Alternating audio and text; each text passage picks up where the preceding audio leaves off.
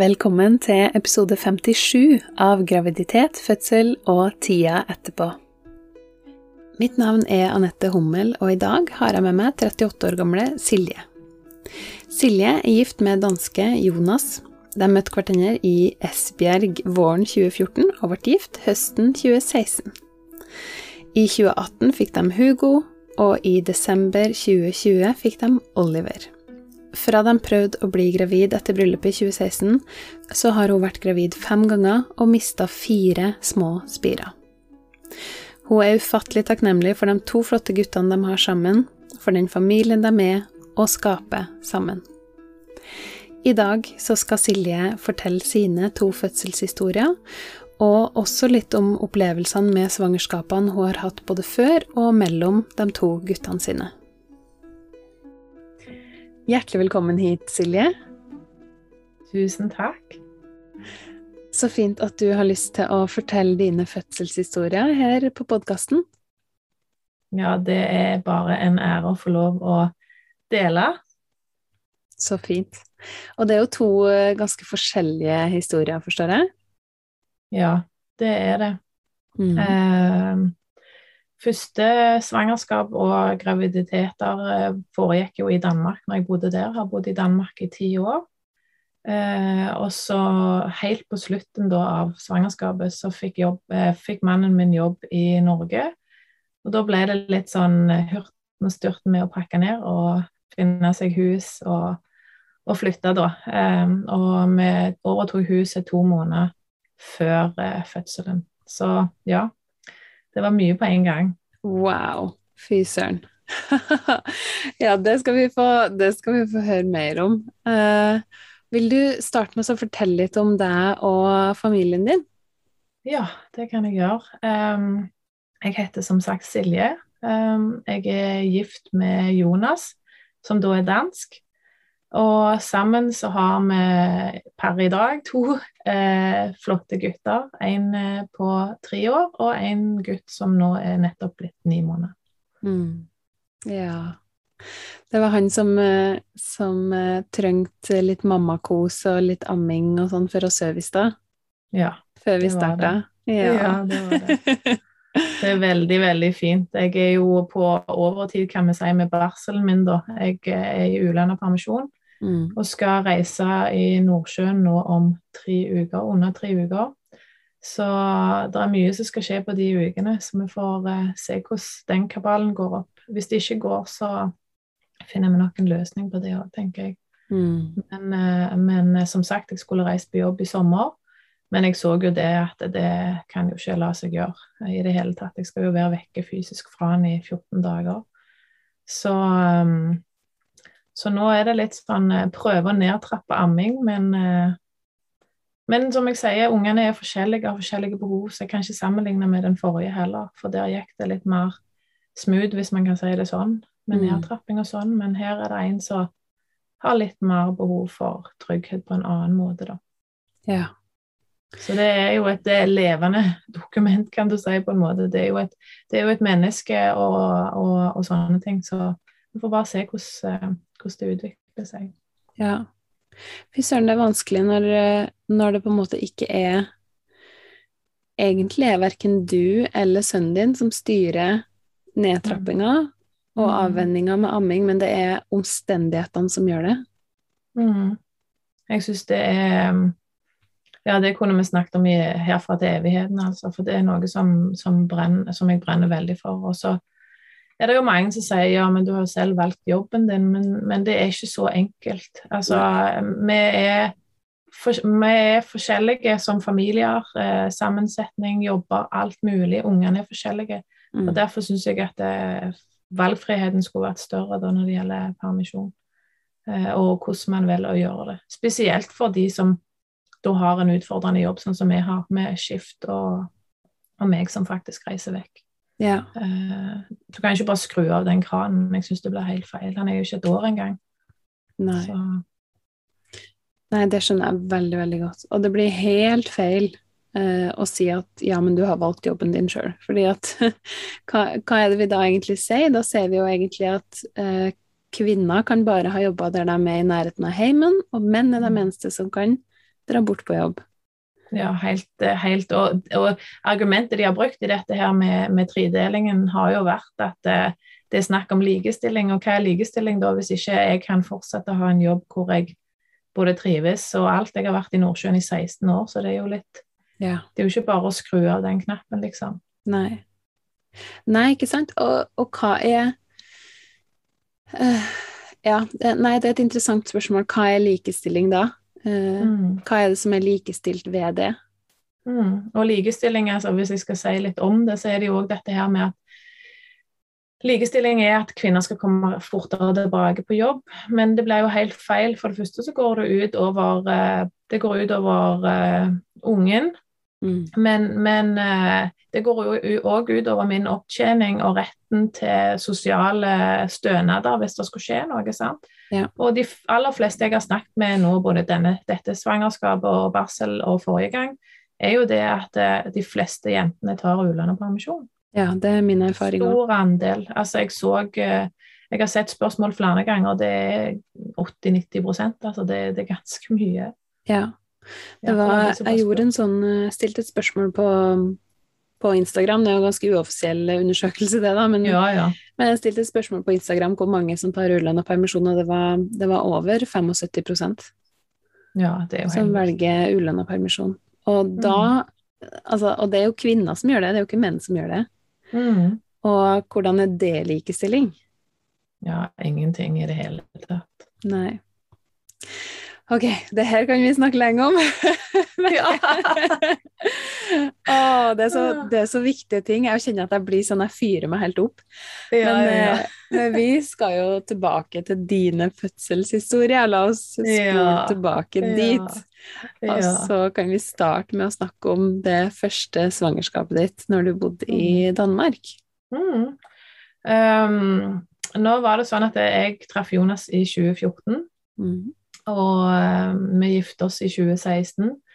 Og når, jeg, uh, når vi hadde gifta oss, da, så slutta jeg på p-piller. Og eh, jeg hadde spist p-piller nesten hele livet mitt. Holdt jeg på å si, Det føles iallfall sånn. Mm. Um, og tenkte at ja, ja, men nå slutter jeg på p-piller, og så blir jeg gravid. Uh, så hadde jeg en del utfordringer med, med smerter og sånne ting, og, og, var litt inn og ut på, hos gynekolog. Men alt så greit ut, utenom at han frykta litt at jeg gjerne hadde endometriose. da, At det, det var noe som ikke var oppdaget tidligere. Ja. Og det òg er jo en hel episode for seg sjøl. Ja. For det er òg det med p-piller. Men, eh, men, i mm. alle fall så, så, gikk det vel Jeg tror det gikk fem måneder eller sånn, så ble jeg gravid. Så det gikk jo egentlig ganske raskt. Uh, og jeg tenkte så flott og fantastisk og spennende så alt på en gang. Og så er jeg på jobb, og så får jeg en blødning. Og, så blir jeg jo litt stressa og blir sendt i land. Eh, og så kom jeg på en ultralyd i Norge, da, for jeg kom jo i land i Norge, for jeg pendla jo til Norge og jobbet. Og da fant jeg ut at det var tvillinger jeg venta. Mm. Um, og um, mye fram og tilbake. Det er jo en historie for seg sjøl. Men etter flere uker da, så um, så endte det jo først med at den ene ikke overlevde, og så måtte jeg vente en stund til. Eh, og så eh, viste det seg at det, den siste hadde heller ikke klart seg. Um, og um, den oppførselen på sykehus og den måten jeg ble møtt på der, det var, nei, det var helt forferdelig. Eh, jeg følte nesten det var jeg sjøl som var skyld i noe. og jeg fikk ikke noe oppfølging. Det var sånn når jeg var inne på ultralyd, liksom Ja, er du sikker på at du er gravid? Og, og er du gift? Og jeg vet ikke Det var så mange merkelige spørsmål jeg fikk. Jeg ble helt sånn Shit, er det sånn du skal bli møtt da, når du egentlig er Ja, jeg vet ikke hva de har tenkt på, jeg, men det må ha vært en glipp. Og når de da hadde konstatert at det ikke, den siste hadde overlevd, så fikk jeg eh, bare en konvolutt og fikk beskjed om å gå hjem og sette opp disse tablettene. Legge meg på sofaen, gjerne bevege meg litt, sånn jeg kunne se om at, det, eh, at jeg kunne blø det ut sjøl, for det var en missed abortion, vil si at det ikke kom ut av seg sjøl. Mm. Uh, og det var helt forferdelig. Det var et grusomt døgn. Det skjedde ingenting. Jeg hadde bare sinnssyke smerter. Og så ringte jeg inn på sykehuset dagen etterpå og sa at dere må hjelpe meg, for nå har jeg hatt tre, nesten tre uker her eh, jeg må bare bli kvitt, eh, kvitt, det og starte på ny, liksom, for jeg orker ikke mer, eh, verken psykisk eller fysisk. Um, og fikk da en utskrabbing på sykehuset. Ja. Um, og um, så var det jo det med å jobbe mentalt, eh, som jeg er god på fra før, eh, føler jeg sjøl. Eh, og prøve å snu det til at OK, sånn var det. Jeg fikk òg beskjed av hun som opererte meg, at det var helt normalt, og at dette her skjedde jo ofte. Eh, og med mange svangerskap at det var helt normalt. Men det var jo heller ikke noe jeg visste på forhånd, for det var jo ingen som hadde snakket om det. Nei. Um, og så gikk det jo noen måneder, og, og så ble jeg gravid igjen um, på høsten. Og fikk jo da litt sånn angst og ble ganske redd for å reise på jobb. For jeg hadde jo hatt, det hadde jo skjedd ute på jobb sist gang. Uh, og det nærmte seg at jeg skulle på jobb, og jeg ringte til legen min og spurte om jeg kunne få lov å være hjemme, iallfall i starten, for det ble for, en for tøff påkjenning da. Um, og da fikk jeg beskjed av min fastlege i Danmark at ja, nå hadde jeg jo mista en gang, og det kom ikke til å skje igjen, så det var ingen legelig grunn til å sykmelde meg overhodet. Hva i alle dager? Uh, og da ble jeg jo helt stressa og å tenke hva gjør jeg nå? Uh, og jeg reiste til Norge og ble jo veldig syk. Altså jeg fikk forkjølelse og bihulebetennelse og sånne ting. Og gikk privat til lege her oppe og, og ble jo da sykemeldt fordi at uh, Altså, jeg hadde ikke sjanse til å reise på jobb. Kan ikke reise på jobb når du har det sånn. Nei. Uh, og jeg tenkte jo inni hodet mitt sjøl òg ja, ja, selvfølgelig skjer det ikke igjen, fordi nå har jeg jo mista én gang, skjer ikke på ny. Mm. Uh, men så skjer jo det samme igjen, da. For da venta jeg jo en del uker lenger, gikk, for jeg var så redd, og gikk til ultralyd og kom inn, og det var liksom ikke liv da heller. Nei. Så da var det en ny runde, men da satte jeg meg på bakbeina og så sa jeg at jeg forlater ikke dette sykehuset før eh, det har blitt ordnet opp her inne, liksom.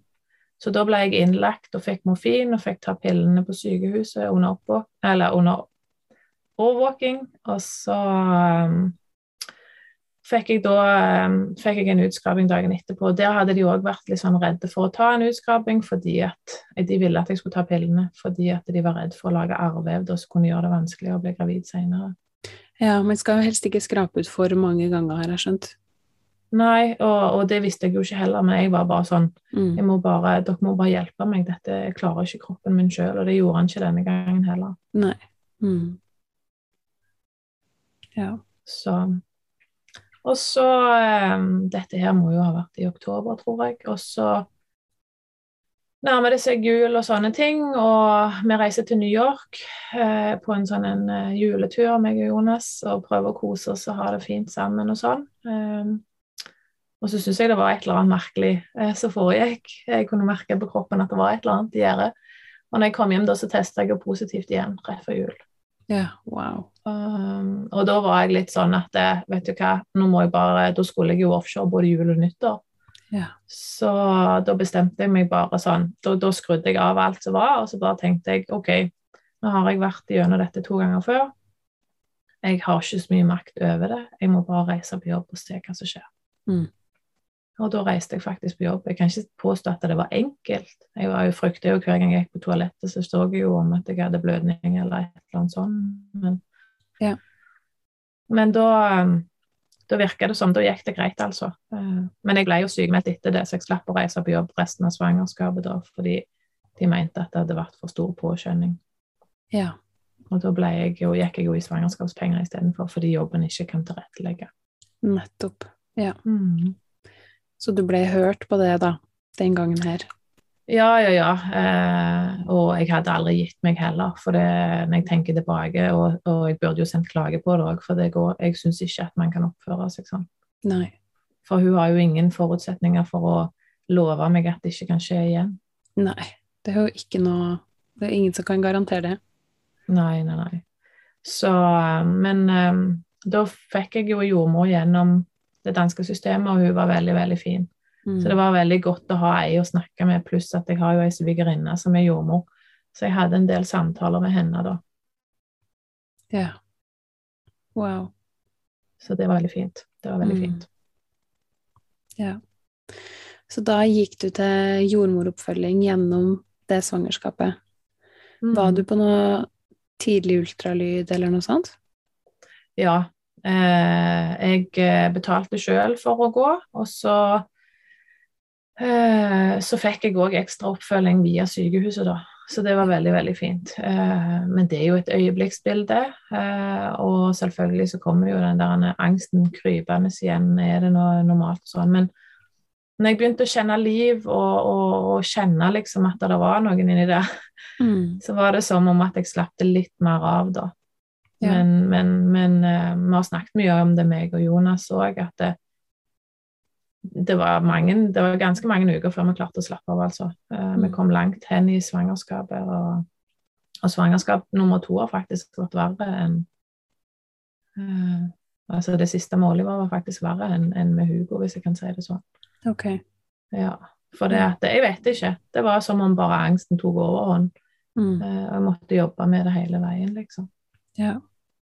Uh, men, men, jeg hadde det fint. Jeg var, i, jeg var i god form. Jeg danste zumba, underviste i zumba. Jeg eh, fullførte massasjeutdannelsen min. jeg starta jo på kostveilederutdannelse i Norge på nett og reiste til Spania og gjorde det underveis. Eh, så jeg gjorde veldig mange gode ting da. Mm. Eh, og, og, det tror jeg òg har vært en, en, en, sånn god ting.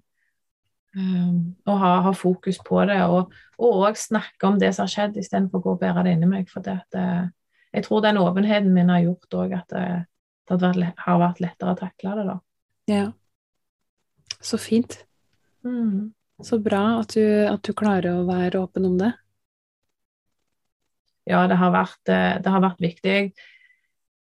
Altså, De som ikke har lyst til å høre på det, de trenger jo ikke. Og jeg har jo delt på min egen Instagram òg, og delt eh, åpent om det, og har fått veldig mange meldinger og private av folk som har gått og skjult dette i årevis og aldri snakket med noen om det. Ja. Og det gjør bare at det, det er enda viktigere at det, vi må snakke om det, for det, det fins der ute. Mm. Og det er mange som sitter med de følelsene.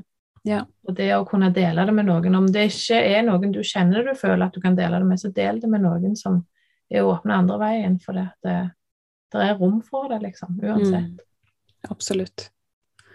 Ja, virkelig, altså. Og det er, det er så fint at, eh, at, du snakker om det, og at flere snakker om det, for det, det, er liksom med på å bryte ned noen sånne tabuer som, som fins, som ikke bør være der.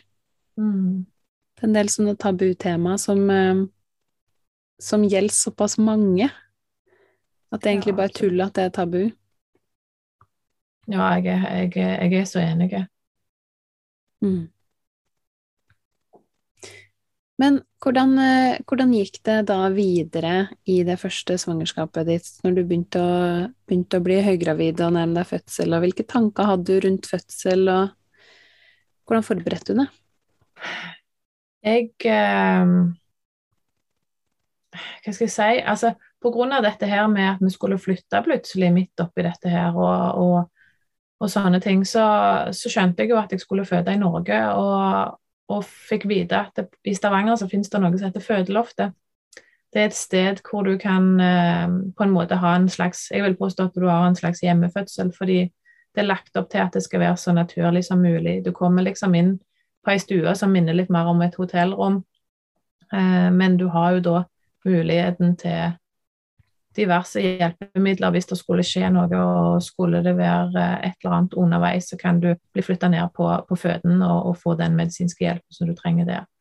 Og det var veldig viktig for meg at, det, at eh, jeg skulle ha det så naturlig som mulig, fordi at Eh, jeg har, har, mine ting i bagasjen fra før og har jobbet veldig mye med dette med kroppen og med psyken og, og samspillet mellom de to.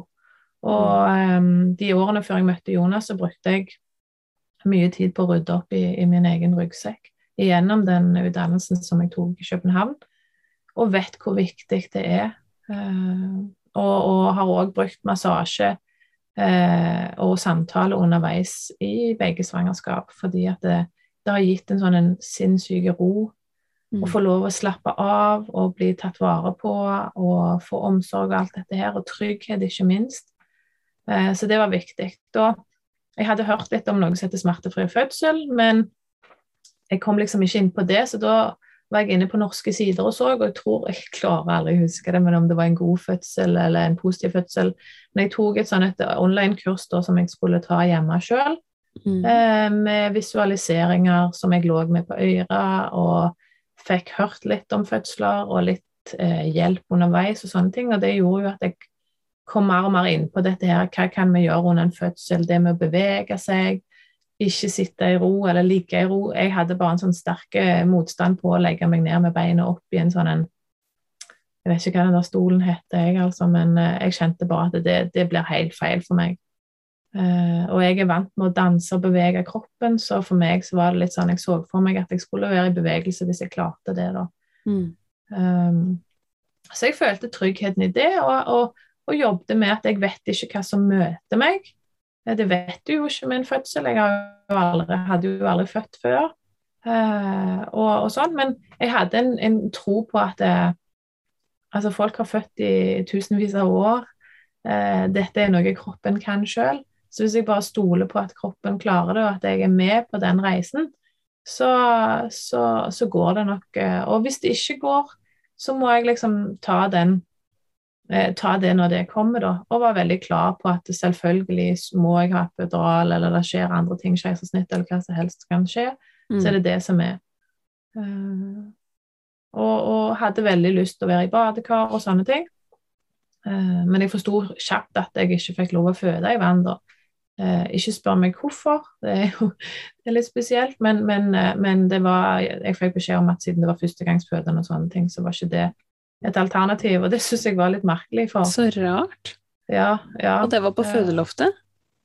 Ja, jeg vet ikke hva som skjedde, eh, men jeg hadde nok sikkert ikke satt meg nok inn i at det var det absolutt jeg ville, så jeg holdt jo ikke fast på det da.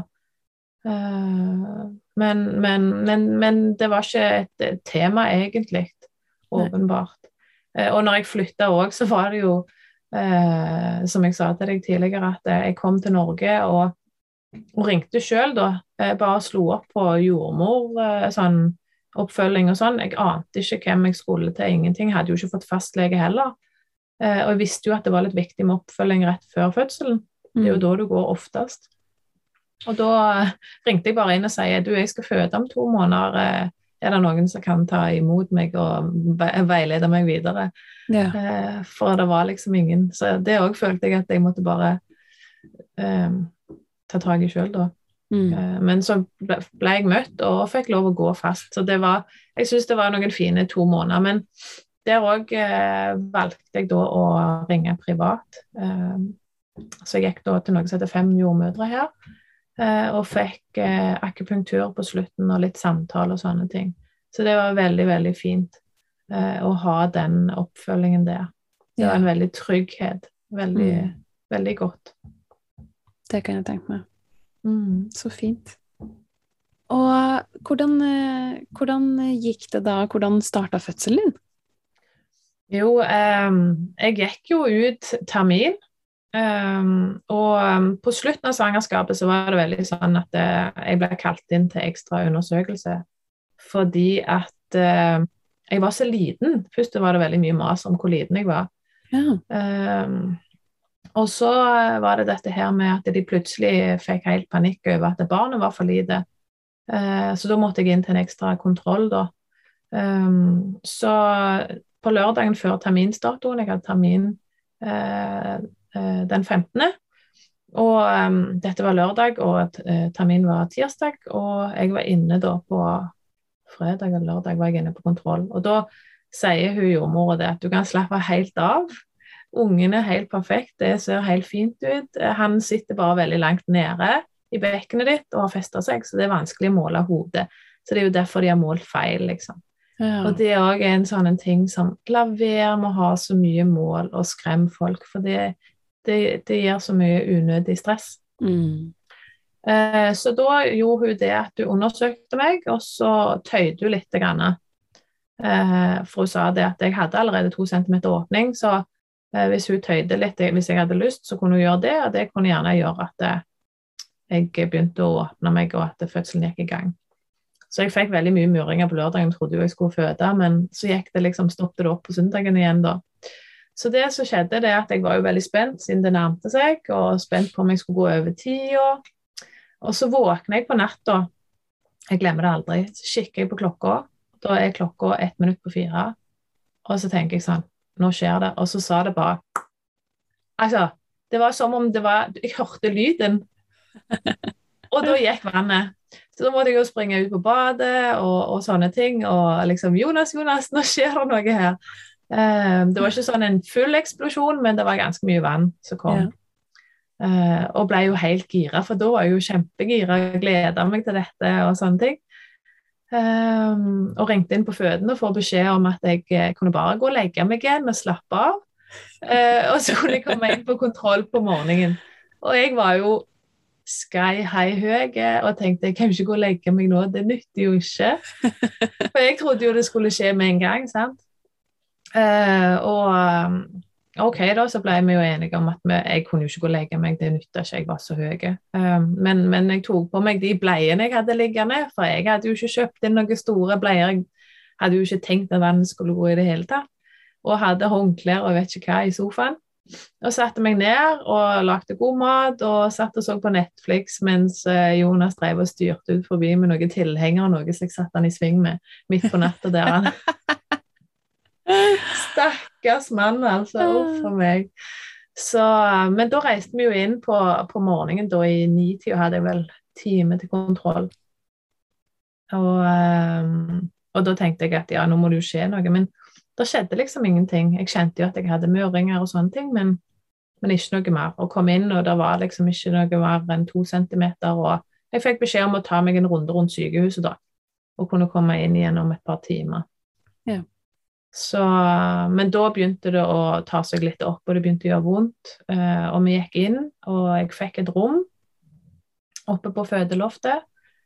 Eh, hadde jo ikke noe særlig åpning, tror jeg hadde to centimeter da òg. Eh, og var litt sånn det, det, begynte å gjøre skikkelig vondt. Um, så jeg var jo litt sånn uh, opp og ned og hadde jo med meg mine ting og hadde jo pakket med meg en arsenal med mat og all slags greier, men det var ikke mye mat jeg fikk spist, for å si det sånn. Um, det var ganske heftig, og um, det var vondt. Og de undersøkte meg jo, og da ble det jo enda mer sammentrekninger og sånn, men jeg åpna meg ikke. Uh, og dag, altså, timene gikk, og ble jo bare mer og mer utslitt, egentlig. Mm. Uh, men var fortsatt på og hadde både zumbamusikk, og jeg hadde Volbeat på, og det var full rulle der på på den stua vår, men uh, det skjedde ikke noe. og midt oppi dette her, så Jeg vet ikke hvor mange jordmorskift jeg hadde. Jeg hadde vel ja, skifta jo på dagen da og fikk ei dansk jordmor. Uh, det var helt fantastisk. Uh, jeg hadde en eller annen idé om at det var liksom bedre, det var liksom tryggere, siden jeg hadde bodd så lenge i Danmark og snakket dansk i så mange år at det, for meg så var det ekstra bra. Og hun var helt eh, fantastisk, altså. Hun, mm. hun forsto veldig fort hvordan jeg ønskte det, og, og tok hensyn til det. Eh, hun drev med noe som heter reboso, ja. hvor du liksom eh, får et håndkle eller, eller teppe over og får rista når du har rier. Og det var veldig, veldig bra. Og, og Jonas fikk òg lov å være med på det, da. og, og sånn og mye lystgass. Eh, lystgass var min store redning, for å si det sånn. Det var helt fantastisk. Så, så det, var, det, var, heftig. Men eh, midt på dagen der da, så ville de gi meg medisiner så jeg kunne få eh, slappe av og sove litt. Mm. Eh, men det gjorde jo bare at riene kom mer effektivt. Eh, men jeg åpna meg fortsatt ikke. Så det var jo et stort problem da, at åpningen liksom ikke kom uansett hva vi gjorde. Ja. Så det var ganske, ganske heftig. Og jeg vet ikke hva tidspunkt det var, men på, på, kvelden da så kom jeg i badekar for de skulle se om det kunne lindre, og det var veldig, veldig godt. Og jeg hadde jo hatt en liten sånn drøm om, om vannfødsel, eh, men det var jo da ikke noe tema at jeg skulle få føde i vann, som sagt. Jeg vet ikke hvorfor. Men jeg fikk nå iallfall ligge i badekar og sånne ting, og det varte og det rakk, og det nærmte seg å vaktskifte igjen. Eh, og, og da fikk jeg beskjed om at hvis jeg ikke hadde, hvis jeg ikke hadde åpna meg nok, så ville de sende meg ned, sånn at jeg kunne få fred. Fordi at jeg hadde holdt på så mange timer, pluss at jeg hadde hatt tidlig vannavgang. Ja. Um, og da kjente jeg at jeg ble litt sånn uh, ble litt irritert, for det var absolutt ikke det jeg hadde lyst til. Uh, da ble jeg litt sånn irritert, og jeg hadde jo lyst til å begynne å presse, jeg kjente jo ikke pressetrang, ingenting. Uh, men jeg mangla liksom disse her, den siste centimeteren, to centimeterne. Og da lå jeg litt i badekaret, husker jeg, og så tok jeg fingrene inn og kjente sjøl. Da kjente jeg jo hodet. Ja. Eh, og da tenkte jeg bare du skal ut, og det skal skje her oppe. Jeg skal ikke ned, jeg skal ikke skitne til i stua til. Jeg skal liksom Nå skal det skje. Og da hadde de vaktskifte, og da kom de inn, og da så de at nå var jeg egentlig på vei, og da, jeg, da kunne jeg få lov å bli der oppe, da. Ja, så bra. Eh, og da, da nærmte det seg vel eh, Jeg husker ikke, elleve-halv tolv-tida. Og da kom jeg opp, og da prøvde de å sette meg på fødekrakk. Eh, for det hadde jeg jo hørt at eh, andre hadde hatt god erfaring med, men det var helt krise for meg. Det var mm. helt, eh, Jeg kjente bare helt motstand. Jeg klarte ikke å slappe jeg klarte ikke å slippe meg bakover. Jeg mista hele kontrollen på både meg og kroppen og alt, og det var jo dritvondt. Og jeg var veldig sliten. Jeg var totalt utslitt. Ja. Og så sier hun ene jordmora det at vet du hva, Silje, vi prøver å få deg opp i seng og på alle fire heller. For jeg hadde hatt god effekt av det tidligere når jeg lå og vogga på, på, alle fire. Det hadde jeg egentlig gjort mye hele dagen. Mm. sant? Eh, så da sier hun ja, nå kravler du nesten med hodet mellom beina, og så var det opp i senga og oppå dyner og en ball og alt slags sånn. Og så var det bare å gi gass, og så gikk det ikke lange stunden, så var han faktisk ute. Wow. Så det var heftig. Det var det var skikkelig heftig, altså. Fytti katta. Jeg var, var, jo helt lykkelig. Alt var jo forsvant jo når han var ute. Eh, og jeg fikk snudd meg rundt og fikk han opp på brystet. Det var jo helt magisk. Ja. Så da forsvant jo alt det som hadde vært. Men, men det satt jo igjen en stund etterpå, da. Fordi at jeg var så sliten. Og jeg føler ikke at jeg var helt med heller med alt som skulle skje når morkaka skulle ut og alt dette her. Mm. Men vi fikk fortsatt den roen da som vi var på stua der til ting hadde roa seg ned og, og, sånn. Og oppfølgingen etterpå var veldig, veldig fin. Så, så, alt i alt så var det veldig, veldig bra. Så fint. Mm. Mm. Hvordan, eh, hvordan, var tida rett etter fødsel? Hvordan gikk det med amming og den biten der? Det gikk egentlig ganske bra. Jeg hadde jo vært litt sånn stressa med det om at jeg kom til å, å trives med det, fordi at jeg som sagt så har jeg litt ting i bagasjen med, med kroppen min som har vært vanskelig. Det var det jo egentlig for så vidt. Det kunne jeg jo snakket om litt i forhold til det med før fødselen òg. Men jeg har eh, slitt med spiseforstyrrelser en del år. Eh, Shama min egen kropp. Eh, hatt det vanskelig. Jeg har opplevd overgrep og voldtekt tidligere i livet så, som sitter ganske Har sittet ganske fast. da.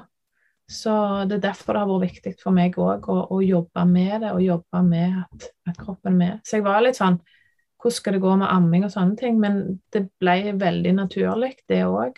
Uh, eh, og han la seg til, og, og, det gikk kjempefint. Det var liksom ingenting med den ammingen. Selvfølgelig var det heftig, for jeg fikk jo melk ganske kjapt når jeg kom ned på hotell og sånne ting. Det var på dag én, tror jeg, jeg melk kom, og det var ganske tidlig. Ja. Så um, det var litt styrete der, da. Eh, men der òg igjen, stol på ditt eget instinkt og følg etter. Jeg hadde jo hørt at man ikke skulle pumpe, og var jo livredd for at de skulle finne fram noen pumper, det var ingen som presset meg til det. men når du står der med to ballonger som ikke liksom Det bare dunker og verker og gjør vondt, og den stakkars lille kroppen ikke klarer å å, å få, det, få unna det som er, så var det veldig fint at det kom ei voksen jordmor som hadde vært i gamet lenge. Hun sa det. 'Nå henter jeg maskinen, tømmer deg helt, så får du liksom starte på ny'. Og det var redningen, altså. Så ja. da tok vi jo bare vare på den melka som var, og så fikk jeg amma. Og etter det så var det ikke noe problem. Mm. Sånn sett. Så det gikk veldig, veldig fint. Uh, og um, men jeg kjente jo det at jeg hadde litt sånn angstfølelse etterpå med at jeg var så utslitt som jeg var. Mm. Og jeg tenker tilbake når jeg var i Danmark og fikk beskjed om at jeg skulle sendes hjem rett etter fødselen hvis alt gikk fint, og det var jo egentlig Det gikk jo fint. Mm. Så tenker jeg at eh, nei, søren heller. Det at jeg fikk lov å være på hotellet, og vi fikk lov å få den oppfølgingen og de timene med samtale om fødselen og sånne ting, og ammeveiledning og alt det der, det er gull verdt, og det må vi klore oss fast til. Altså, for det er så viktig når du er førstegangsfødende og ikke aner hva du går til. Yeah. Så, så, trengs det den der tryggheten rundt deg, at du har noen som følger deg opp mm. og kan veilede deg. Det er så viktig. Så jeg syns det var veldig, veldig fint. Og det syns jeg faktisk andre gangen òg. Ja. Da, da, var vi faktisk og brukte de dagene. For, for det var viktig å få den roen mm. etter fødselen, og bare være i den bobla. Klart. Mm. Og eh, hvor lenge var dere, du, dere, på barselhotellet? Vi var der vel i tre døgn da, siden jeg fødte på natta, for han kom jo hvert over han kom jo hvert 16 minutter over 12, så da kom han jo på terminsdatoen. Ja. eh, siden vannet gikk, vannet gikk, dagen før. Så mm. det var veldig spesielt. Så da fikk vi da tre netter. Så det var veldig, veldig fint. Ja. Og det er et minimum, altså. Jeg syns det. Og så kan heller folk velge det vekk hvis de ikke mm. føler de trenger det. Men jeg syns det at det, å ha det tilbudet har vært eh, gull. Det har liksom styrka, styrka veldig etter fødselen og alt. Så bra. Mm. Kjempefint. Og så kom dere jo hjem med en, eh, med en liten baby, og uh, hvordan um, Ja, jeg, jeg, kjenner egentlig at jeg er mest nysgjerrig på hvordan gikk det med deg etterpå, i forhold til det du snakka om med din bakgrunn, og hvordan var det å, å være mamma? Det var Jeg vet ikke. Det var veldig, veldig fint. Det var stort. Det var Uh, utrolig takknemlig uh, for at det hadde gått som det gikk. Uh, at vi fikk han her den fine lille bulten som lå der, og sånne ting. Det var helt fantastisk å bare få lov å kjenne på det.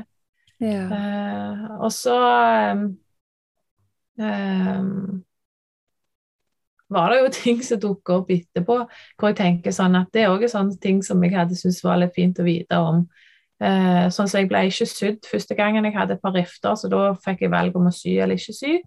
Og da sydde de meg ikke, eh, fordi det var bare noen pyntesting. Mm. Men eh, jeg har jo skjønt det i ettertid at de burde bare sydd de par stingene likevel, fordi det var jo veldig ubehagelig å tisse.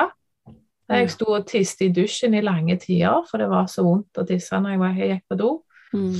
Um, men ellers så var kroppen egentlig i fin form og sånne ting. Um, og som sagt, ammingen gikk greit og, og alt dette her. Eh, men så var det jo dette her etter hvert, så, så, hadde jeg en liten som var urolig i bilstol. Han ville ikke ligge i vogn. Eh, det var mye som, mye som skjedde med det, da. Eh, så han skreik en del. Så det ble mye byssing og bæring. Og det holdt, holdt, det gående ganske lenge. Vi fikk jo hjelp da hos en terapeut her i, i området som er kjempeflinke, som jeg hadde hørt hadde vært flink og å hjelpe veldig mange. Så det ble litt bedre etter det. Eh, fordi han var nok skeiv i nakken. Om han har stått fast i bekken eller hva han har gjort, det vet jeg ikke. Så jeg anbefaler alle å få sjekke, sjekke ungene etter fødselen, uansett om du har hatt en komplisert fødsel eller ikke. Ja. Fordi at det er litt viktig å utelukke sånne ting, da. Mm. Um, så, så, det henger jo litt ved og, og, um, da kom jo den der følelsen av å være mislykka eh, ganske kjapt. Og jeg isolerte meg veldig. Det tok lang tid før jeg tok imot besøk. Jeg hadde ikke lyst til å se folk, jeg var veldig mye hjemme for. Det gikk i denne bussinga og bæringa, og en unge som ikke sov på dagtid i det hele tatt. Han sov egentlig OK på natta, men dagen sov han ikke. Og, og det, det var tungt. Så det sleit jo meg òg ut, eh, og følte jo Følte jo meg veldig lite til Altså at jeg ikke var den mora som jeg burde, da. Fordi mm. at jeg ikke fikk han til å sove. Uff. Så det var veldig, veldig tøft. Og jeg merker det når jeg kom inn i en barselgjeng. Eh, vi var jo 14 eller 15 stykker, den gjengen. Og um, det så ut som alle bare fiksa det greit og kom, og ungene sov, og det var ingen problem. Så følte jeg meg veldig utenfor. Eh, det var vanskelig. Jeg kravde veldig mye med dette her. Ja. Eh, så jeg har nok, har nok eh, Det er jo først når jeg ble gravid igjen med Oliver, at, det, at jeg skjønte hvor tøft det egentlig hadde vært. At det var noen som burde ha fanga det opp og hjulpet meg. Og det har jeg gitt beskjed om i ettertid òg, at jeg burde nok fått litt mer støtte der, gjerne enten av av eh, helsesøster, for de har du jo samtale med. Hun kommer jo hjem på hjemmebesøk og sånne ting. Og òg eh, fastlegen. Ja. Uh, det var ingen av dem som plukka det opp? Nei, vi snakket litt om det, men jeg tror, jeg tror nok gjerne jeg har skjult det sjøl. Ja. Fordi at du ikke vil være til bry, eller at du ikke tror det er så alvorlig. At det bare er sånn det er. Ja, det gjør man jo gjerne, dessverre. Ja, mm. så det syns jeg var vanskelig. Men der òg igjen så var det litt godt at det var en annen i barselgruppa som òg hadde en unge som ikke sov. Så istedenfor at eh, vi gikk ned med eh, flagget, som de sier i Danmark, så, så fant vi liksom morsomheten i at begge to sprang rundt der og stresste med disse ungene som ikke ville sove. Ja. Så jeg valgte å fortsette å være i gjengen, og så valgte jeg faktisk å snakke om det òg og si det høyt. Og da ble det plutselig ikke så vanskelig allikevel. Da var det litt lettere, selv om det, det var mye styr allikevel med sovingen fortsatt, så var det litt lettere enn jeg hadde sagt at sånn var det bare. Ja, så bra. Ja. ja. Det er noe med å akseptere situasjonen, mm, som kan være kjempevanskelig. Ja, absolutt. Ja. Uh, virkelig. Uh, for du, du, føler jo at det, alt raser. For jeg hadde ikke noen forventninger til noe, for det vet jeg at det, eh, du kan ikke Som regel så ser du for deg en hel haug med ting, men det er ikke sånn det blir uansett. Nei. Så jeg prøvde liksom å ta litt ting underveis. Men, men kjenner du på at ting er vanskelig, så få hjelp, altså. Det er mitt eh, aller beste råd. Mm. For det er ikke godt å gå alene med det i det hele tatt. Mm. Ja, det er kjempeviktig. Veldig, veldig viktig. Så um, Men, men ellers så, så hadde det jo fint. Hadde det travelt, som jeg alltid har det. Jeg eh, reiste jo til Spania med Hugo når han var syv uker eh, og skulle fullføre eksamen der nede. Wow. så det var litt heftig. Så jeg tok kostveiledereksamen der nede. Hadde med meg Jonas. Jeg hadde trodd at det skulle gå greit, for alle sa jo det at babyer sov, men han sov jo ikke. Han sov jo absolutt ikke, den ungen, eh, noensinne. Men, men, vi hadde en veldig fin tur, og vi tok det for det det var. Mm. Uh, og hadde, etter vi var ferdige, og jeg var ferdig med eksamen og sånn, så, så hadde vi en ferie bare oss tre, og det var veldig, veldig fint. Det var det. Kjempefint. Mm. Mm. Og så vet jo jeg at du måtte tilbake i jobb på et tidspunkt. Mm. Hvordan var det for deg? det var jo en ting som jeg brukte nok veldig mye tid, av tiden min på. Å bekymre meg for hvordan det skulle gå, og hvordan det skulle bli. Og, og dette her med at jeg ble påtvunget å slutte amming altfor tidlig i forhold mm. til jeg hadde hvordan det gikk. Det gikk jo kjempefint. Eh, så det, det, var vondt, og det var sårt. Eh, men jeg visste jo jeg skulle tilbake til jobb. Og så visste jeg òg det at jeg tørte ikke å ta ulønna permisjon. For jeg var redd for å bli gravid igjen, og siden vi hadde hatt eh, litt problemer med det, og vi visste vi ville ha flere barn, så var jeg jo redd for at eh, Tenk hvis jeg mister opptjeningsretten til ny permisjon. Det er jo dessverre sånn at jeg måtte tenke sånn. Mm. Uh, så det, derfor tørte jeg ikke å ta ulønna i det hele tatt. Og jeg måtte liksom, og vi hadde tatt 80% for at jeg skulle være hjemme lengst mulig. Um, og hadde pumpa litt, grann, men siden at jeg hadde bussarbeidet og han hadde sovet så lite, så var jeg så sliten at jeg hadde ikke klart å pumpe opp nok melk til at det, eh, han kunne få så lenge, da. Så han fikk, eh, min mors melk fikk han mens jeg var ute en gang om dagen, og det var det de, de 14 dagene, da. Eh, mens faren var hjemme. Og jeg hadde klart å trappe veldig fint ned. Det gikk, veldig, det gikk over all forventning. Så jeg hadde siste amming om morgenen da, den dagen jeg skulle reise. Mm. Og det var Hva skal jeg si altså, Den følelsen var helt eh, Det var helt surrealistisk å sitte der med babyen og vite at det, dette er siste gangen jeg ammer deg. For jeg hadde liksom tenkt det at eh, jeg ville ikke komme hjem etter 14 dager og amme han igjen. For jeg var så redd at han skulle bli forvirra at hver gang jeg reiste da, så skulle jeg liksom ikke være der.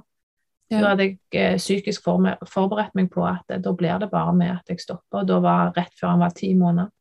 Mm. Men det er òg en sånn ting som jeg har hatt litt dårlig samvittighet over. Eh, og det er jo veldig dumt, for at jeg, ja, jeg vet at jeg har amma mye lenger enn mange andre. Men, men det var likevel så er det sårt fordi det er noen andre som vi snakket om tidligere. Det er noen andre som har pusha på at dette skulle stoppe, da. Ja. Uh, men det gikk veldig fint, og jeg må si det at, det at han og faren fikk det, har fått det forholdet de har fått med at de har vært alene hjemme og styrt skuta mens jeg har vært vekke og hatt det så fint. Så det var veldig godt. Og det var veldig fint å reise av gårde og vite at han tok flaska, og, og, at han var trygg. da. Ja. Og det er mye, mye omsorg i det òg, uh, med, med, den, så det er også viktig å huske. Mm. Så det gikk jo, gikk jo veldig bra. Uh, det gjorde det. Um, så, så, så, det går jo, men, men, men, um, men ja. Og igjen, som du sier, prøve å ha fokuset på det som går an å ha fokus på. Og da var jeg bare nødt til å holde fast i at det, sånn er livet, sånn er mm. vår hverdag, sånn er det skrudd sammen, og da må vi bare gjøre det beste ut av det. Ja. Og det, det gikk jo veldig fint. Det gjorde jo det. Mm. Ja.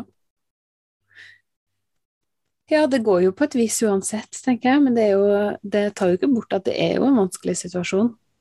Nei, det, det, det gjør det jo ikke bedre, og, og, det kjenner jeg jo på nå òg, for folk eh, kommer jo alltid med velmenende råd, og de gjør det jo ikke for å være stygge, det er jo det som er så viktig å huske. Folk mm. snakker jo ikke for å være stygge noensinne, som regel. De snakker jo bare ut ifra sitt eget hode og sine egne følelser. Ja. Uh, og det er litt viktig å huske på. Men jeg har jo hørt bare de siste ukene nå, så har jeg hørt at ja, du må jo bare reise, og så finner en jo ut av det. Men uh, det er ikke helt sånn, altså. Nei. Det er ikke det. Eh, og, og, og, tryggheten er så al, alfa og omega, og som jeg sier at det, Far er jo involvert fra dag én. Han trenger ikke å få barselen for at han skal være det. Mm. Da burde den komme i tillegg heller.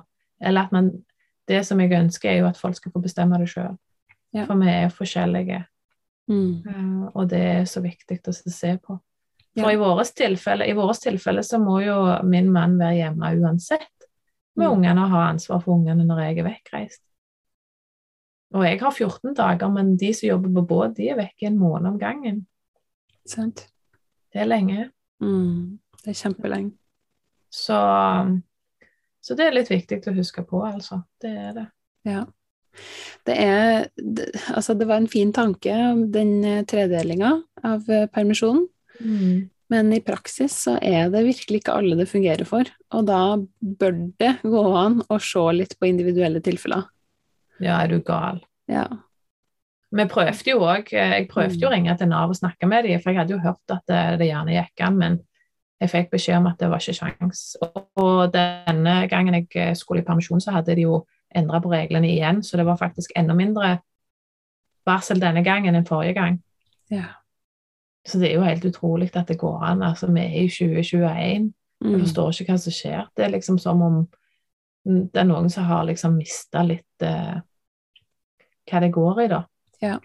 Og det ser jeg litt i kommentarfelter og sånne ting òg, når jeg har vært inne på disse her Eh, når de diskuterer det, eh, så tenker jeg at eh, mange av de som sitter og diskuterer og bestemmer dette, er jo folk som ikke står i det, og ikke engang vet at vi har så lite som vi har, faktisk. Nei.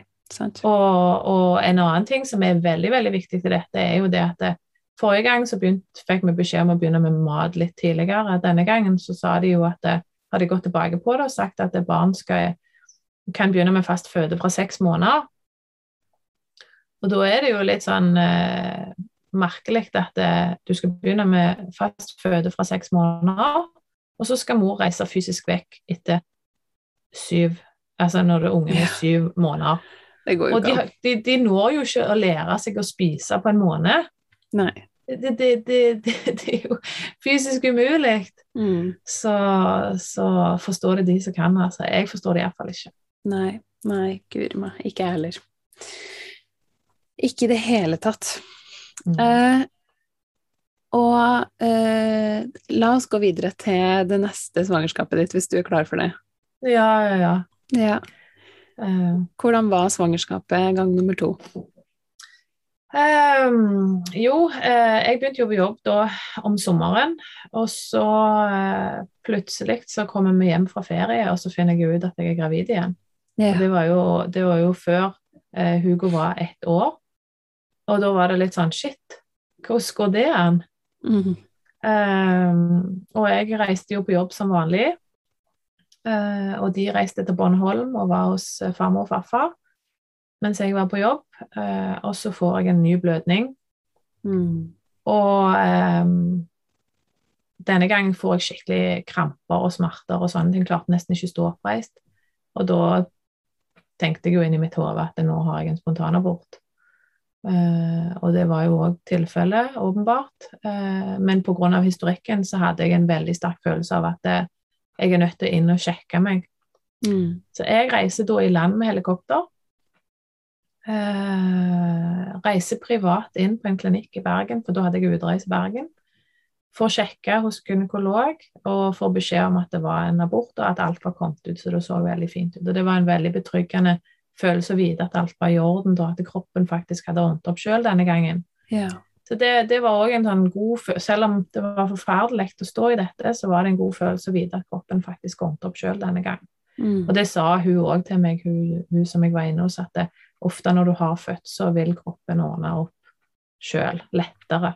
Ok. Eh, det var iallfall det hun sa da. Eh, og så burde jeg jo bare reist hjem og slappet av og liksom kommet over alt det som skjedde. Men eh, flink pike, de eh, pakker sekken sin og sjekker inn på hotell, betaler et par timer på å hvile der, og så reiste jeg ut på jobb igjen. Mm. Og var ute resten av turen min. Og det er noe som jeg aldri burde gjort. Jeg betalte jo faktisk for kontrollen min sjøl òg. Eh, det, er helt, det er helt ufattelig at det går an, men sånn var det. Eh, Mm. Men, eh, men jeg reiste på jobb, for jeg tenkte inn i hodet mitt at det er godt å ha noen rundt meg da. Jeg har jo gode kollegaer der ute, så siden Jonas og Hugo var på Bornholm, så var det viktig for meg at, det, at jeg hadde noen rundt meg, men jeg angrer jo på det i ettertid. For når jeg kom hjem da, så var jeg så sliten både fysisk og psykisk at, det, at det, jeg burde, burde jo reist hjem.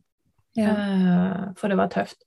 Og det er det som er så viktig å huske, at når du er gravid og du mister, så er det ikke bare det at du mister den spiren og det håpet som du hadde. Det skjer så ufattelig mye i kroppen din. Mm. Det er hormoner, det er Ja.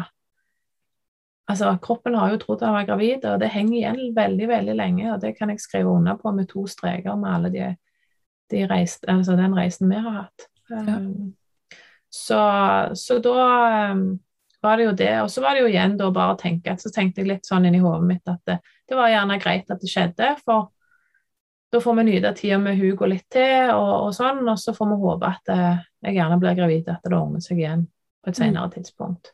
Fordi det var jo ikke noe vi hadde planlagt, men det er jo sårt og vondt allikevel.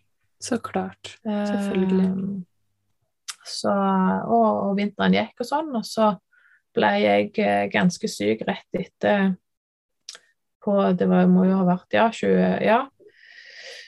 Eh, Rett før koronaen eh, stengte landet, på en måte, så ble jeg syk og lå syk med lungebetennelse i syv uker. Oh, wow. Kjempedårlig. Altså, jeg klarte nesten ikke å gå opp og ned trappen og sånne ting. Og så stengte landet, og jeg ble tvungen til å slappe av og ta det rolig. Og vi var jo isolert hjemme og gikk turer hver dag i naturen. Vi hadde litt søvnproblemer igjen med han her, er knallen vår, så eh, vi drev og bytta på å sove faktisk på eget soverom. Det hadde vi jo ikke gjort tidligere, men det var faktisk veldig fint å bytte annenhver natt og sove på, på et annet rom, da, sånn at eh, vi hadde hver sin natt å ta, Ja. ta det, da. Mm. Eh, og så gikk det jo ikke lange stunden, så fant jeg jo ut at jeg var gravid igjen. Eh, og, eh, og da var det litt godt å vite at vi hadde roen. Og, og pleie kroppen og ta vare på hodet og gjøre de gode tingene da enda mye mer enn jeg hadde gjort tidligere. Ja. Um, og, og da òg var det sånn at jeg fikk eh, ekstra oppfølging, siden jeg hadde hatt så mange eh, Mista så mange ganger. Og, og, og sånne ting. Og ble, gikk tidlig i svangerskapspenger denne gangen òg, fordi at jeg skulle slippe det stresset og påkjenningen med tolv timers vakter på jobb og inn og ut med helikopter og alt dette. Så det var veldig, veldig fint. Så. Så, så det, og svangerskapet var, var fint. Hadde litt bekkenløsning, sleit med det. Uh, uh, så det var litt vanskelig, for jeg fikk ikke være like aktiv som jeg hadde vært tidligere. Men uh, naturen var veldig viktig for meg, og for oss som familie. Jeg brukte mye tid på det. Det var helt fantastisk. Det lader jo, det òg. Mm. Um, og så bestemte jeg meg for å sjekke ut dette her med smertefri fødsel denne gangen. Ja. Uh, for jeg hadde, selv om at jeg hadde litt angst i kroppen ennå etter en lang fødsel og tøff fødsel første gangen, følte jo jeg det var. For det var så utslitende, liksom. Så det, tenkte jeg at da må jeg jo jobbe ekstra med det denne gangen. Uh, og så at de skulle ha sånn bootcamp for par. Og tenkte at det ville være en fin ting for oss å gjøre sammen. Ja, Det her er hos Mamma eh, Stork, ikke sant? I Stavanger. Ja, ja mm. Mamma Stork. Og da så jeg at eh, de skulle ha den bootcampen, og da ringte jeg inn og så snakket med Ragna. Uh, hun er jo òg dansk, så det var jo ekstra bonus. Uh, jeg snakket med henne og fikk snakket litt om forrige fødsel og sånne ting. og da, da ble vi, konkluderte vi jo med det at det ville være liksom siste Jeg mangla på en måte den siste biten, da, mm. i forberedelsen. Uh, og, og, vi meldte oss på en sånn, en, en sånn et kurs og er veldig glad for at Jonas òg fikk lov å være med på den forberedelsen på en helt annen måte enn sist gang. Ja. At vi sammen var sammen om det. Mm. Uh, og at vi var på et fysisk kurs med andre folk. Uh, som òg hadde Noen var førstegangsfødende, andre var folk som hadde født før. Men det var bare den energien og stemningen og, og sånne ting var helt fantastiske. Ja, så fint. Mm. Det var det virkelig. Og det å ta eierskap igjen, selv om at du vet at det, en fødsel kan være så mye, eh, og du vet at den blir ikke like som forrige gang, kan, alt kan skje, så er det så utrolig viktig at du tar eierskap. Og det med at du får kunnskap, ikke minst får kunnskap om eh, hva rettigheter du har. Mm. Hvorfor gir de deg den sprøyta etter fødselen? Hva er det for noe? Jeg visste jo ikke, jeg hadde ikke fått det med meg at de hadde satt en sprøyte på meg engang. Og ingen som fortalte meg hva det var. Eh, og hva kan konsekvensen være av å få en epidural? Hva kan være positivt med å få en epidural? Altså alle mm. disse tingene her som, som, de går igjennom på kurset, da. Eh, for å liksom få den der eh, kunnskapen. For kunnskap, det, det gir styrke. Ja. Eh, så absolutt. Jeg eh, og ville skreket ut at alle som skal føde, bør ta et sånt kurs, altså. Ja. Og, um, og, selv om, som jeg sier, at det, underveis når jeg drev og øvde på disse her eh, så tenkte jeg sånn Ikke gud om jeg klarer dette, for jeg fikk det ikke til. Det var dritvanskelig. Og jeg ble så, jeg ble så andpusten. Mm -hmm. Uh, og det har jo selvfølgelig òg noe med ungen som presser og alt dette her. Men uh, det òg var veldig fint, for da um, Du har jo veiledning underveis, da du kan stille spørsmål uh, mens du øver deg etter kurs og sånne ting. Um, og da sa Ragna det til meg at bare vent til fødselen går i gang, så vil, vil følelsen av pustinga være annerledes. Mm. Og da tenkte jeg ok, da må jeg bare slå meg til ro med at jeg gjør det, selv om jeg stressa litt med at jeg ikke fikk det til. Ja. og var det sånn? Ble det annerledes? Å oh, ja. Det var, det var som å Det var dag og natt. Det var helt wow. sinnssykt. Det var um, Det var helt sinnssykt. Uh, det, det, kan ikke, det kan ikke Det kan ikke sammenlignes overhodet. Jeg skjønner ikke hva som skjedde. Ennå den dag i dag så forstår jeg ikke helt hva som skjedde med den pustinga, at jeg faktisk fikk det til. Det er, det er, litt artig, for det er, det er, veldig beroligende for meg. For jeg har jo akkurat starta kurs hos Mamma Stork. Oh, ja, ja. Og, og, når jeg prøver den laboropusten, så blir jeg sånn Hvordan er det mulig? Jeg blir jo så andpusten, jeg får jo ikke det helt til. oh, men vet du hva, helt Du må bare, du må bare ha en sånn en tro på at når du, fødselen går i gang, så blir det helt annerledes. Mm. Uh, og ha, ha, ha, styrken i at det kommer til å skje. Fordi at det, som, som Ragnar også sa til meg, at det, ting Du får jo et annet trykk nedover. sant? Altså Ungen skal jo ut. Det er jo musklene som Altså det er jo livmora som skal trykke for at ungen skal ut, og da vil du få mer plass i forhold til det med pusting. Ja, ikke sant. Um, så ha troen på det. Stol på mm. det, at det går bra. Og så kan du bare le av deg sjøl mens du øver, for det er faktisk ganske morsomt å øve. Det høres litt ut som en hund som sitter og puster på en varm sommerdag. ja, absolutt. Absolutt. ah. Men eh, så fint at du fant et kurs som du følte at du fikk så mye ut av denne gangen. Ja. Mm. mm. Veldig. Absolutt. Det føltes litt som å komme hjem, på en måte. Ja. Eh, wow. Det var, det var veldig fint. Og, og selv om eh, slutten på svangerskapet denne gangen var litt sånn stressende med, med tanke på at min jordmor ble sykemeldt, og plutselig så hadde jeg jo ikke noe fast holdepunkt i det hele tatt, mm. så, um, så fikk jeg en ekstra oppfølging der inne, og gikk jo privat òg, både til ekstra ultralyder og sånne ting, og jeg gikk òg og fikk eh, akupunktur, sånn som jeg gjorde, eh, altså modningsakupunktur. Eh, og det òg er kjempedeilig. Og massasje, ikke minst. Mm. Eh, eh, ikke minst eh, å få den eh, massasjen eh, har vært eh, kjempeviktig for å få roen og, og, kjenne at kroppen skal bli klar. Du kan faktisk få massasje helt fram til Jeg tror forrige gang så ble jeg massert 14 dager før fødselen, ei uke før fødselen, så det ja. går helt fint. Mm. Kan masseres i fødsel. ja, ja, ja, ja. Så det er veldig veldig viktig å ikke ha den frykten der, men tenke på at du gir kroppen din ro og, og, og sånne ting, for det er veldig, veldig viktig. Mm. Ja. Så lenge det er uh, at du får massasje fra noen som vet hva de holder på med, ja, ja, ja. Tenker jeg tenker det er viktig at det er noen som, som kjenner en gravid kropp. Mm. Ja, det er kjempeviktig. Og, men jeg har jo opplevd òg underveis når jeg har lett etter folk som kan massere meg under når jeg har vært gravid, så er det svært få som, mm. som gjør det. Og det er òg veldig synd. Ja. Uh, jeg snakket litt med disse her uh, i Stavanger da når jeg var på ultralyd ekstra der. Og, og hun òg syntes det var så merkelig at folk ikke ville ta i gravide. For det er jo ikke fordi du, det er jo ikke noe galt, men som du sier, det er jo viktig at det, de vet hva de holder på med.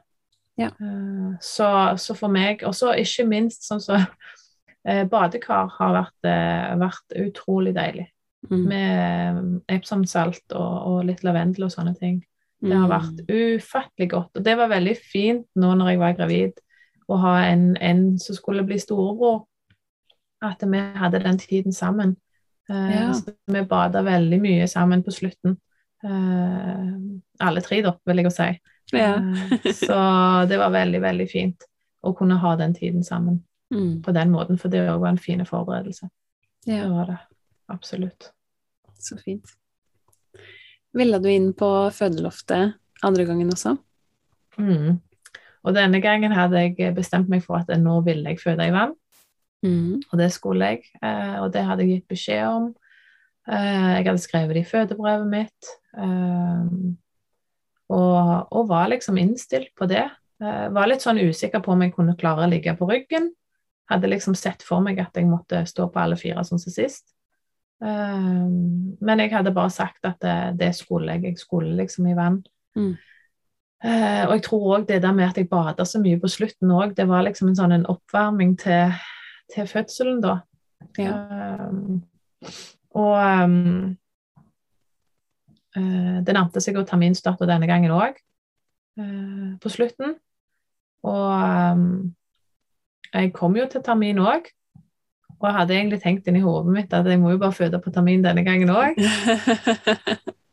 men du bestemmer jo ikke det sjøl. Men det hadde jo vært litt morsomt, da. Mm. Så, men det virka jo ikke som noe skulle skje. Jeg hadde ikke noe annet enn jeg hadde jo selvfølgelig på slutten så har du jo litt murringer og mer enn en vanlig og sånn. Mm. Men, men, ikke noe jeg, jeg har aldri merket noe slimpropp eller noe andre tegn på at jeg skulle føde i det hele tatt. Uh, så det var jo litt overraskende da når jeg uh, var nede på kafeen nede på Ålgård og få uh, sitte der og drikke kaffe og skal spise lunsj, og så kommer det ei kollega forbi, og så sier hun kan du reise deg opp så jeg kan se på magen din, jeg har lyst til å se hva kjønn det er. For denne, ja. gangen, denne gangen visste vi jo ikke hva kjønn det var. Eh, og så reiser jeg meg opp, og så var det som om jeg tiste på meg. og jeg bare Nei, shit, hva skjedde nå? Nå gikk vannet, sa jeg. Eller jeg sa vel egentlig ikke det, jeg bare måtte knipe igjen. og så måtte jeg springe ut på toalettet og så sjekke da om det var det. Og jeg fikk jo følelsen av at det var det, og ringte inn til fødeloftet og sa det at nå tror jeg vannet har gått. Mm. Hva gjør jeg nå? Og så, og så, var det jo bare det å bestille lunsjen med seg hjem, da, for jeg hadde jo ikke lyst til å sitte og lekke fostervann på kafeen. Det var ikke så veldig så jeg sto bare kneip igjen, og så, um, og så, um, og så sa jeg det til hun i kafeen at eh, jeg tror vannet har gått, kan du lage maten? Så reiser jeg hjem, og så tar hun venninna mi med, med, med seg lunsjen hjem, da. Ja. Eh, så vi kunne spise lunsj hjemme. Mm. Um, så, så, sånn var det. Så vannet gikk denne gangen òg. Ja. Wow. Så åpenbart så er det, er det sånn eh, mine fødsler går i gang da. Ja, ikke sant? Ja. Det er jo noen som, eh, det er noen som starter på den måten. Mm. Ja. Mm. Eh, og nå visste jeg jo litt at det kunne ta lang tid, og at jeg visste at jeg skulle på kontroll senere, så, så det var, var, helt fint. Um, og jeg, da fikk jeg jo tid til å gå hjem og igjen pakke nister og koke vann og ha med, og liksom, eh, ja pakke det jeg skulle, og forberede og få hun søsteren min hjem som skulle være hjemme og bo sammen med Hugo hjemme hos oss. Mm. Og få sagt ha det til han på en fin måte og sånn. Så vi hadde en veldig, veldig fin ettermiddag sammen da. Eh, og det var stille og rolig, det var ikke noe, det tok seg ikke opp noe veldig eller noe heller denne gangen. Så det var veldig, veldig fint. Eh, fikk lagt meg en god kopp med kakao seremoniell kakao som eh, jeg tenkte at dette må være det beste måten å forberede seg på. Så jeg tok liksom med meg, tok med meg den roen da, nøyd den koppen med kakao og hadde spist godt og liksom tenkt at jeg må bare beholde den roen over det. Mm. Uh, og så får det bare skje det som skjer. For jeg var jo veldig spent. Det var jo andre gangen, og du vet ikke hva som skjer fortsatt. Men jeg var jo litt mer forberedt på både det ene og det andre siden jeg hadde hatt en fødsel før, da. Ja. Um, og um, før dette så hadde jeg jo vært litt inne på tanken på å ha med meg en doula og fødselsfotograf. Jeg hadde jo vært i kontakt med Eva Rose i forhold til at jeg hadde lyst til å ha henne med på fødselen, men så snakket jeg litt med mannen min om det, og han var ikke så veldig klar på å dele den opplevelsen med noen. Og da måtte jeg nesten respektere at han syntes det var litt privat, og at vi skulle få lov å ha den stunden for seg sjøl. Mm. Eh, for, for, oss da, at det var vår tid. Eh, så det tror jeg òg er litt viktig å tenke på. at det, det, er jo en ting vi skal gjøre sammen. Det er viktig å beholde den der roen og, og, og sånn. Eh, men når jeg kom inn på sykehuset da, så, så var, fikk jeg jo beskjed om at jeg ikke hadde noe åpning, og egentlig kunne jeg reise hjem igjen. Og da ble jo jeg, da ble jo jeg kjempeskuffa. Jeg bare mm. sånn Nei, nei, nei. Jeg hadde en sterk følelse på at jeg vil ikke hjem.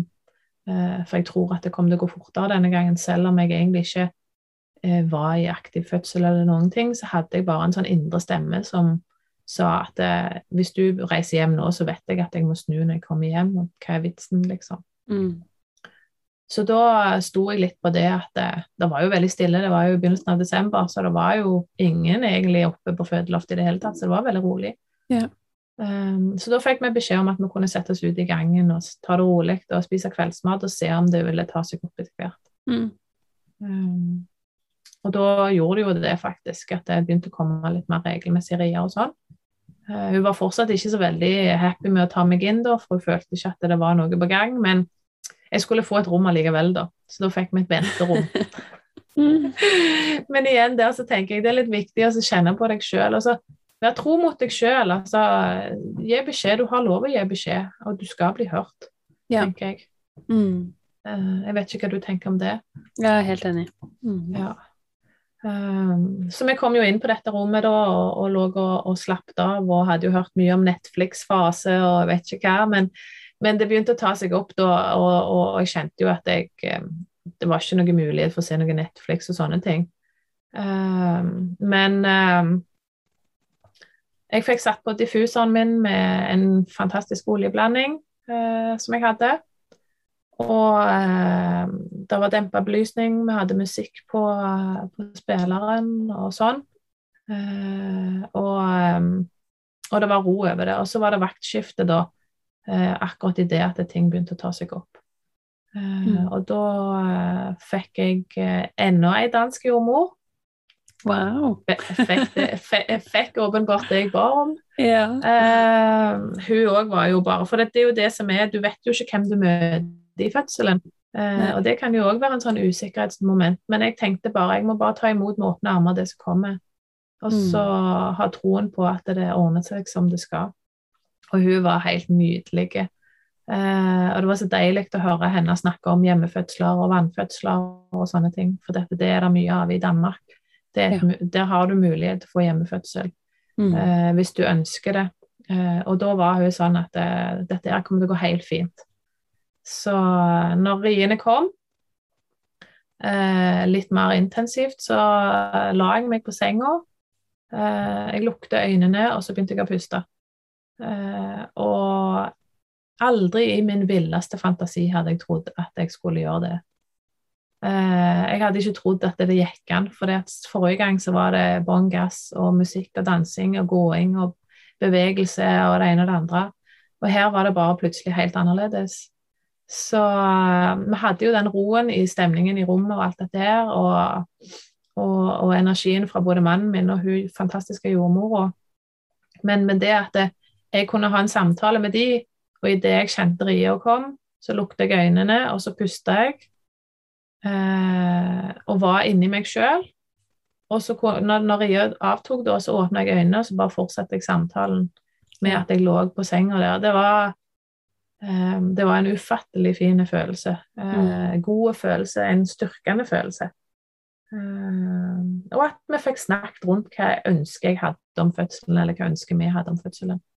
Eh, og det å bli møtt da med dine ønsker og det som, som du har lyst til, og at kroppen skal klare det og sånne ting, det, det, det er så viktig, for det gir òg en trygghet. Ja, absolutt. Um, og da tapte vi opp i badekaret etter hvert. Uh, vi fikk jo, fikk jo, et rom med badekar da.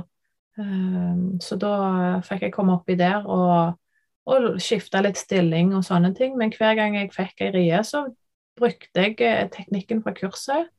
Slapp det av i kjeven, og jeg slapp det av i skuldrene og i hendene. Og, og jeg kjente egentlig at kroppen åpna seg på en helt annen måte enn forrige gang. Det var liksom jeg, jeg merket jo at den roen og de tingene som jeg tok med meg, gjorde at kroppen jobbet på en helt annen måte. Mm. Uh, det var liksom en samstemning i det, da. Uh, og, og, det var veldig fint. Uh, og det at jeg bare snudde håndflatene opp og lot de flyte i vannet, det òg var helt sinnssykt. Det var liksom som om det var det siste lille som gjorde at det, det gikk enda bedre, for å si det sånn. Mm, det er så effektivt. Det er helt sinnssykt. ja. Uh, hun, det, og det var faktisk hun, hun har jo ikke tatt smertefri fødsel, men hun har jo sett mange eh, fødsler med det, den teknikken. Og hun sa det, mm. Silje, prøv å snu håndflatene dine og bare slappe av i vannet. Og det var helt, eh, helt utrolig at det, det, går an. Og, ja. og, det å ha Jonas ved siden av som var der, og han var jo ikke oppi badekaret med meg, og det var liksom ikke sånn den der, men men det å ha han der, og energien, og at han var der med en kald klut på pannen, og et lite kyss av og til, og at han liksom Det å kjenne at vi var i ett, på en måte, og hadde hverandre i det, mm. Det er kjempeviktig. Det trenger ikke være alle de andre tingene der, men det, det var så fint. Eh, og og bare stole på at det skulle gå greit. Og han òg bare herre min, han satt bare og måpte, for han sa det, det, det er helt sinnssykt hvordan du klarer å takle riene, og hvordan fødselen var da i forhold til Han var jo på sidelinjen sist gang òg, men at han òg var der og liksom så hva som skjedde, og var med, det syns jeg var, var deilig. Mm. Å ha den støtten. Ja, klart. Um, og jeg hadde jo òg um, på kurset har jeg jo aldri tenkt at jeg skulle ta imot min egen unge. Uh, men det òg fikk jeg jo beskjed om på kurset at det kunne du gjøre hvis du ville. Og det hadde jeg da bestemt meg for at uh, med tanke på det som skjedde sist, når jeg kjente hodet og sånne ting, mm. så tenkte jeg at uh, da vil jeg ta imot han sjøl hvis jeg klarer det. Yeah. Så, så, i det at jeg skulle begynne Og denne gangen kjente jeg trykketrang òg, og, og, og, kjente at kroppen liksom jobbet sjøl og at jeg jobbet med kroppen. Og fikk lov da å ta imot den. Og, og, altså hele den der, og den støttende prosessen fra jordmora òg underveis, og, liksom hvor stille og rolig alt var. Det, jeg forstår det fortsatt ikke den dag i dag at det går an. Mm, at, noe så heft, at noe så heftig kan være så fint. Ja. ja kjempefint. Så, så, det var en stor opplevelse. Det å få lov å løfte, altså legge den på brystet sjøl og holde den og Ante jo ikke hva kjønn det var heller, det òg var veldig spesielt. Ja. Og det å løfte den opp og liksom se Oi, det var en gutt til, liksom. Ja. Eh, det var òg veldig, veldig fint. Eh, og òg etter fødselen med å å reise meg opp med han i armene og gå ut av badekar badekaret og legge seg på sengen for å liksom ligge der med, med navlesnor fortsatt eh, tilkobla og få den roen og sånn. Jeg var mye mer med denne gangen og fikk med meg det som skjedde mm. etterpå. Mm, det var veldig fint. Ja. Mm, herlig. Så flott. Veldig takknemlig. Ja. Uh, og hvordan var uh, hvordan var det rett etterpå? Rett etter fødselen? Nei, det var, det var veldig fint. Altså, uh, vi lå der, og, og jeg fikk jo Lå jo der til det slutta å pulsere og fikk klippet navlesnoren og skulle få til ammingen, og det gikk òg OK. Eh, fint. Eh, Jonas fikk han på brystet, så jeg fikk dusja og sånne ting. Det var veldig fint å komme inn og se de to ligge og sove på senga. Det var veldig, veldig fint. Det var det. Han var jo, Jeg skulle tro han var mer utslitt enn meg. Jeg var jo fortsatt veldig høy da, etter, etter alt som hadde skjedd. Ja. Men det var så deilig å føle at jeg var klar at jeg var med, at jeg var med på det som hadde skjedd. Jeg var med på det som skjedde etterpå. Mm. Det òg var en veldig god følelse. Ja. Selv om det er heftig. Det er jo heftig å føde. Det er jo det. Uh, og, og, sånn, men, men, en god følelse, det var det. Wow, så fint. Eh, og veldig, veldig takknemlig for at jeg tok meg tiden til det sjøl, men òg at jeg fant det kurset. Eh, og, og, og, liksom ha noe å lene seg på, da. Og mm. ha en, en, tro på at dette kom til å gå fint. Ja. Samtidig som Fødeloft i Stavanger eh, Amen til de. Altså, de, de, gjør en fantastisk jobb. De fortjener all ros de kan få. Mm. Det å kunne ha et sånt et sted og, og, få lov å føde på den måten som du ønsker, og at det skal være mest mulig naturlig som en hjemmefødsel, det, det burde det vært mulighet for i hele Norge, altså. At folk ja. skulle få muligheten til det. Absolutt. Vi har ikke så mange jordmorstyrte avdelinger i Norge, men vi har noen få. Ja. Skulle gjerne hatt flere. Ja, ja, ja. Og derfor mm. er det så viktig å ta vare på de som er, og, og styrke de og få flere. Mm. Absolutt. Absolutt. Og eh, hvordan var det da å komme, å komme hjem og møte storebror og hele den biten der? Uff, ja. Det Nei, det var stort. Eh, jeg ble helt rørt, for eh, å se eh, Det var veldig viktig for oss at vi gikk opp og møtte Hugo alene uten å ta med lillebror til å begynne med. Mm. For at vi skulle liksom se han. Vi hadde jo ikke sett han på flere dager, for vi valgte at Jonas skulle bli på sykehuset sammen, sammen med oss. Ja. Eh, for å få den starten. Og òg pga. korona og sånne ting, så var det veldig fint at vi kunne få lov til det. Mm. Jeg følte jo liksom at jeg fødte helt normalt uten at det var korona. Det var litt deilig å føle at var, det ikke fantes når vi var der, på en måte. Yeah. Det var veldig fint. Men så kom vi hjem og gikk opp og, og, skulle hilse på han, og det var deilig å se han igjen. og Veldig spesiell følelse å plutselig ha den store gutten i armene, som egentlig har vært den lille gutten. Ja. Det, var, det, var, mange følelser på en gang. Og så sprang han jo ut for å se lillebroren, da, for han har jo snakket veldig mye om at han skulle bli storebror. Mm. Og han Altså Fra første øyeblikk så var han bare forelska i han, og det er liksom å, så liten han er! Å, se så liten han er! Liksom, han, han slapp han ikke på vei opp trappa, han satt bare og strøyk på han, og og, og, sånn er det faktisk ennå. Det er helt utrolig. Altså. Han, eh, når han står opp om morgenen, så er det lillebroren han sier god morgen til. Han sier ikke god morgen til meg, men det er han som er det viktigste, liksom. Så det var, det var utrolig fint å få lov å, å få den opplevelsen. Og det har òg vært viktig for oss at eh, når Hugo var liten, så sov han alltid i egen seng, og sånn har jeg hatt det. At jeg var så redd for å ligge på han at jeg ville ikke ha han oppi senga. Mm. Så når eh, lillebror kom, da, så sov han òg i sin seng og, og sånn. Eh, men eh, da har jo Hugo sovet sammen med oss, da, mye. Eh, så vi har jo alle sammen vært i samme soverommet eh, nesten helt fra han kom, ja.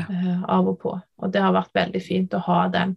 Og det har òg gjort at jeg tror at de to har liksom fått en sånn symbiose, de to sammen. At de vekker ikke hverandre på nettene. og og noen ting Alle har liksom sovet gjennom det fordi at vi har bare gitt tillatelse til at det, det, den bobla vår er sånn.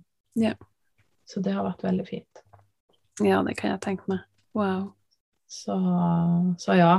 Og når jeg ammer òg, og har lillebror, eller har lillebror og storebror oppi fanget samtidig, at han var en del av det, Ja, eh, det har òg vært veldig, veldig viktig.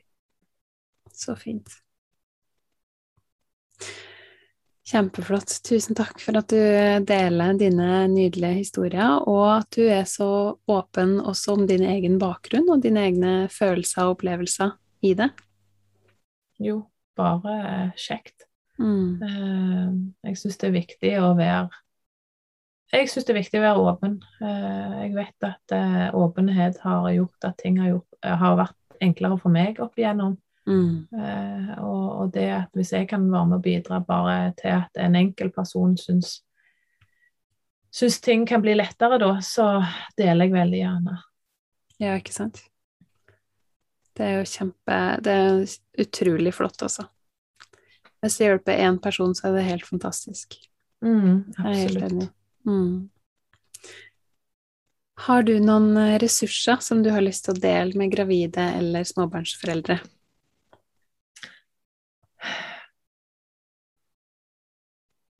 Um, ja, hva skal jeg si? Oh.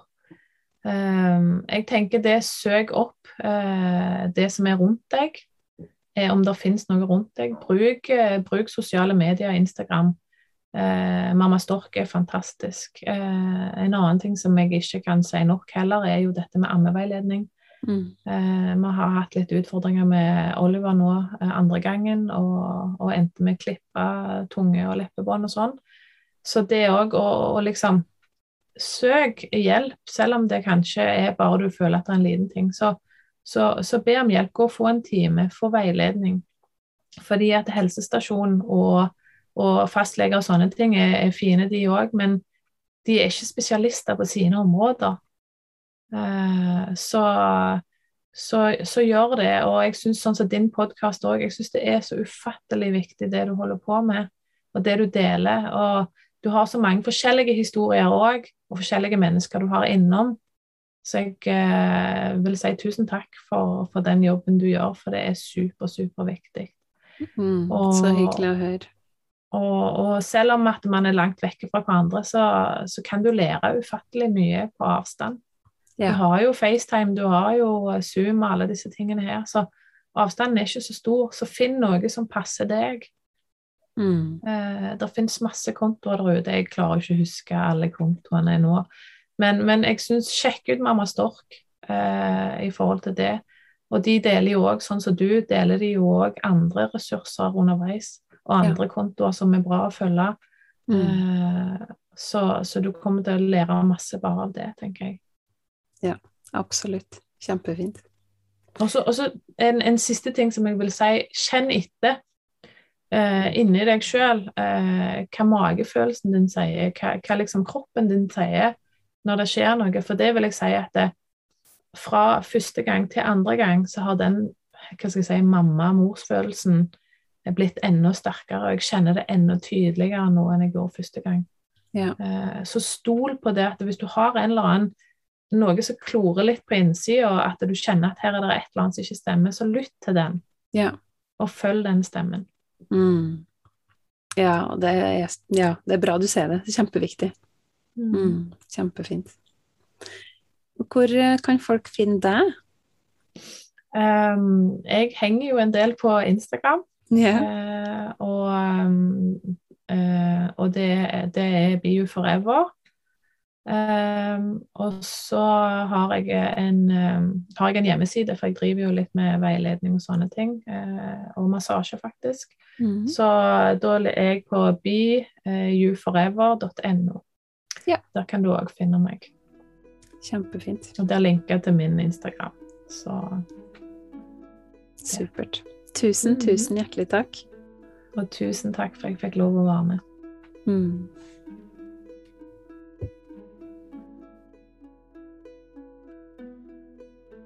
Takk for at du hørte på graviditet, fødsel og tida etterpå. Hvis du liker denne podkasten, så er det kjempefint om du vil gå inn på Patrion og støtte podkasten med et lavt beløp i måneden. Det starter på bare 40 kroner i måneden for å være med og støtte opp under og sørge for at podkasten kan fortsette i lang tid framover. Og til gjengjeld så får du forskjellige ting tilbake fra meg. Hva du får, det kan du se på Patrion. Bare følg linken i episodeteksten. Ditt bidrag betyr kjempemye for meg og for podkasten og for alle de fremtidige lytterne som forhåpentligvis får stor glede og nytte av å høre på episodene. I tilfelle det var noen tvil, så vil jeg også nevne at jeg ikke er verken lege eller jordmor.